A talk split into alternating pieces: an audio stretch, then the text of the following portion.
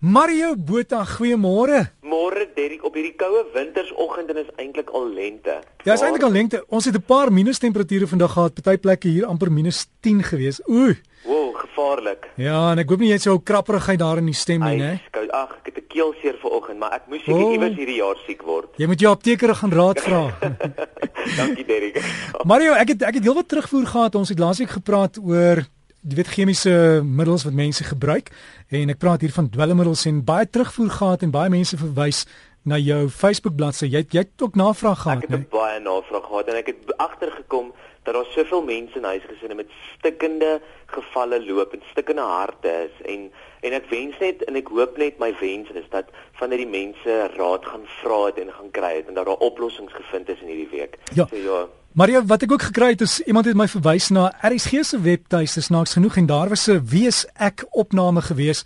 Ek dink hier van die 11de April en die week daarna en dis dis is 'n potgooi beskikbaar en jy kan daar gaan luister. Hulle het gepraat met met 'n familie wat deur dit is en wat die ouers gesê het hulle moes doen. Hulle moes alles onttrek en net eenvoudig sê dis nou genoeg tot die persoon hulle kind gesê het hy's nou reg vir terapie. So, ja. maar dit was baie insiggewend. So, as mense nie weet nie, epos moet net dbrsg.co.za en vra vir Mario. Ja. Hy weet alles. Absoluut. Leukemie, Mario, dit was altyd 'n doodsvonnis, né? Dit was altyd 'n doodsvonnis en hoekom ek hieroor praat is want baie van die tekens van leukemie lyk vir ons is algemene siektes. En dit is hoekom die apteker wat eintlik baie min van kanker weet, hieroor praat. Um en beenmerg is maar waar dit ontstaan. En kom ons verduidelik gou wat doen beenmerg. Nou beenmerg is verantwoordelik vir die ontwikkeling van stamselle. En stamselle is weer verantwoordelik vir die ontwikkeling van rooi bloedselle wat suurstof gee, wit bloedselle wat ons beveg teen infeksies en help teen beskerming en al daai dinge en dan plaatjies wat help met stolling.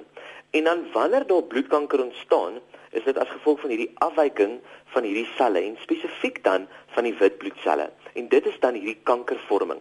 En kankervorming weet ons, dis selle wat baie vinnig vermeerder en dit is selle wat so bietjie siekerig is, maar nog steeds eintlik 'n goeie sel is, maar hy's net so afwykingkie. En dit is dan hierdie afwyking wat dan hierdie kankeragtigheid vir ons gee. En dan omdat dit in ons selle is en binne in ons bloed is, staan dit dan bekend as bloedkanker. En, en dit is so 35 mense, dis die statistiek, uit elke miljoen mense kry bloedkanker en 5 hiervan is kinders. So as jy dink hoeveel mense in Suid-Afrika is en ek oog my statistiek is sleg, maar ek dink dit is so 60 miljoen. Maar hoeveel mense loop dan rond met bloedkanker wat dit dalk nie weet nie of wat dit weet en dan hopelik behandeling daarvoor kry. En die sleg is dat kinders baie geraak word deur bloedkanker of leukemie. Dit is nogal sleg. Ja, en Mario weet al wat veroorsaak dit? Ons het al daar's navorsing al gedoen. Dis nie heeltemal bekend wat dit veroorsaak nie, maar daar is snellers wat hierdie ding aanhelp. En dit is byvoorbeeld mense wat werk in ekstraal departemente of, of weet of radioloë of susters wat daar help. So hierdie verhoogde blootstelling aan ekstrale, ook dan nou sleg waar daar atoombomme afgegaan het en al daardie radiasie vrygekom het. Daardie gevalle is baie toereikend of hoe sê mens nou sensitief vir hierdie leukemie of bloedkanker. Dan sigaretrook. Ek weet nie hoeveel praatjies wat ek gedoen het is sigaretrook 'n rooi lig by al hierdie dinge wat ons noem nie, so sigaretrook. Dan bensienblootstelling. Ek weet baie van ons drukkerye werk met bensien, skoonmaakmiddels of van die verwers wat met bensien werk dalk. Ek weet nie, maar dit is 'n skoonmaakmiddel en baie van hierdie mense wat dan aan hierdie bensienblootstelling blootgestel word. Hulle is dan gevalle wat regtig sensitief kan raak vir 'n bloedkanker of leukemie. En dan hoë insidensie by down syndroom gevalle. Sien ons nou nogal dat daar 'n afwyking in die genetiese materiaal is en dan ook 'n afwyking dan nou het op hierdie wit bloedselle en dan kom bloedkanker voor by baie van ons down syndroom mense. En dan ook die menslike T-sel leukemie virus tipe 1, lang woord vir 'n vir 'n gogga wat leukemie veroorsaak. So dit is nogal skrikwekkend dat daar 'n ding in die lug is wat ons kan inasem of met aanraking kan kry en dan hierdie virus vir ons kan gee. Ek moet nou wel sê, iemand wat leukemie het, kan nie vir jou hierdie virus gee nie. So moenie dink hierdie mense is aansteeklik nie, maar dit is 'n virus wat ook leukemie kan veroorsaak en dan familiegeskiedenis. As daar familiegeskiedenis is van bloedkanker, wees maar op die uitkyk en kyk vir hierdie snellers wat in jou omgewing is en gaan doen toetse. Jy sommer jaarliks of twee jaarliks en gaan kyk of daar nie leukemie in jou stelsel is nie. Maar kom ons kyk gou na hierdie gevalle in die apteek wat wat lyk soos ander siektes. Hierdie kan dan Um, en dit is hoekom ek hieroor praat. So baie mense kom in die apteek en sê my bene pyn of my gewrigte pyn. Daai is 'n teken van leukemie of geswolle limfnodes. Wat nie noodwendig seer is nie, maar my kliere onder my arm of hier onder my bene, my in my waai van my bene voel so half geswolle. Jy weet en dan kan dit iets dui soos leukemie. Moegheid Jo, baie van ons het seker moegheid en ons moet dit maar onderskei, maar baie keer kom 'n pasiënt in die apteek en sê ek is moeg en ek het die volgende en dan is dit 'n rooi lig baie keer vir vir leukemie. Gewigsverlies, nagtelike sweet, onderdrukte eetlus, verkoue simptome. So hier sit ek met my keelseer.